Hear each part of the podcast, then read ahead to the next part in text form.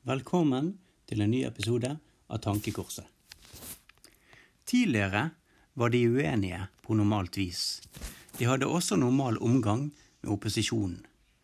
Både politikerne og deres partnere hygget seg sammen på sosiale tilstelninger. Nå ser det ut til å være om å gjøre for demokratene å brunbeise republikanerne for enhver pris. Ingen uttalelse er for grov, uansett sannhetsinnhold.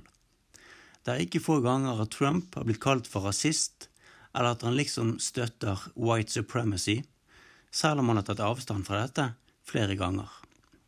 Det er ikke få ganger at han har blitt beskyldt for rasisme, ironisk nok samtidig som at det har vært en historisk lav arbeidsledighet under nettopp Trump blant flere minoritetsgrupper, som afroamerikanere og latinamerikanere. Dette kan man lese om i artikkelen Study reveals US minority groups have made historic employment gains under Trump administration i westernjournal.com.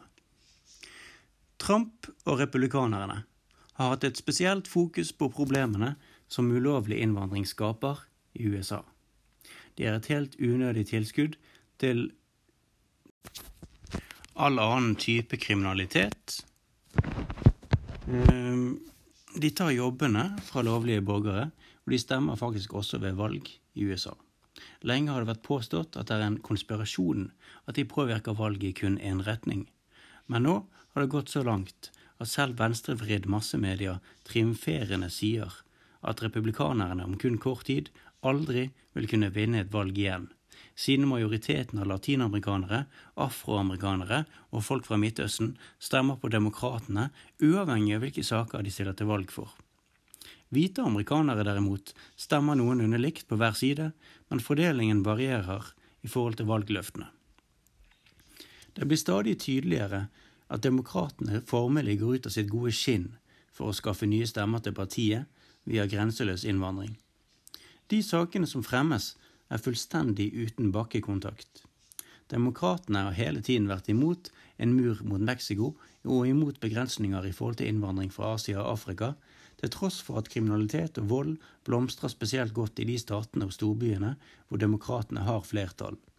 Det er et faktum at velgerne stemmer ut ifra demografi, som viser til følgende sitat fra artikkel Californias Changing Demographics Will Further Doom Republicans i LA Times. Kort fortalt, dette er et sitat, kort fortalt er republikanernes kjernegruppe hvite mennesker, og de er en minkende del av Californias populasjon. Demokratstøttende latinoer og asiater har det blitt flere av. Dette mønsteret er forventet å fortsette. Dette skjer ikke bare i California, men nasjonalt. Det er bare her det skjer først, sier strategiker for demokratene Bob Shrum. Samtlige presidentkandidater for demokratene strakte nylig opp hendene da spørsmålet var om de støttet gratis helsetjeneste for illegale innvandrere i MSNBCs nylige eller, eh, debatt som var for noen måneder siden, dem imellom. Dette er naturligvis noe skattebetalerne må betale regningen for, samtidig som de selv må betale egne dyre forsikringer for å få samme behandling. Ikke overraskende er dette upopulært blant Trumps velgere, men det er merkelig at slik radikal forskjellsbehandling overhodet blir foreslått i et land som til de grader er basert på at ingen skal få noe om de ikke selv bidrar. Dette er i praksis et helt nytt velferdssystem beregnet på de som er ulovlige i landet, samtidig som USA får stadig flere hjemløse og trengende blant sine egne lovlydige borgere. Det siste hodeløse forslaget fra de stadig mer venstrevridde demokratene er No Way Forward Act. Denne er på ikke mindre enn 4400 ord og er så radikalt innvandringsvennlig at den kommer til å rasere samfunnsstrukturen i USA. Likevel er det stille i media. Det er nesten så en kan tro at de forsøker å snike den ubemerket inn bakveien. Et av forslagene er at kriminelle innvandrere ikke skal kunne utvises om de har blitt dømt til fengsel i mindre enn fem år, og at skattebetalerne skal betale for å hente tilbake hundretusener av dømte kriminelle som allerede har blitt utvist. Det skal heller ikke være kriminelt å krysse grensen ulovlig, og ingen som er dømt for kriminalitet utenfor USA, skal anses som kriminelle. Dette åpner for en helt hemningsløs import av tunge kriminelle fra Mexico og andre steder. Mildt sagt risikofylt når vi vet at USAs sørlige naboer har noen av verdens høyeste drapsrater. Se her artikkel 'Murder Rate by 2020' i worldpopulationreview.com. Om innvandrere blir dømt til mer enn fem år, kan en dommer beslutte at det skal gjøres unntak av familiære årsaker, eller om utvisning bør stoppes pga. spesielle offentlige hensyn. Som om ikke dette er surrealistisk nok, så står det også i forslaget at det er hvit overlegenhet å mene at ulovlig innvandring til USA er kriminelt.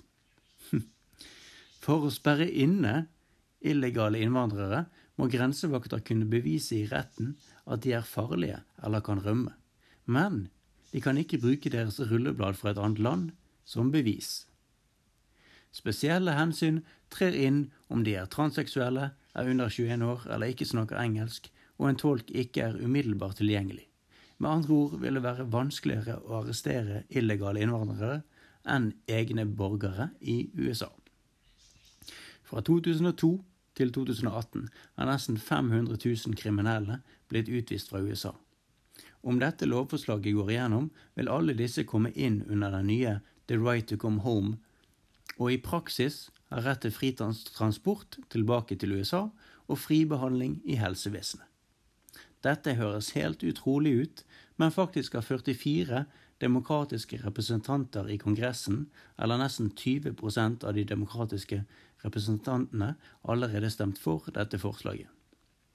I Norge har vi en stereotyp om at amerikanerne er spesielt strenge hva gjelder kriminalitet og innvandring, men faktum er at de har noen av de mest ekstreme globalistene, representert i de, de høyeste halene.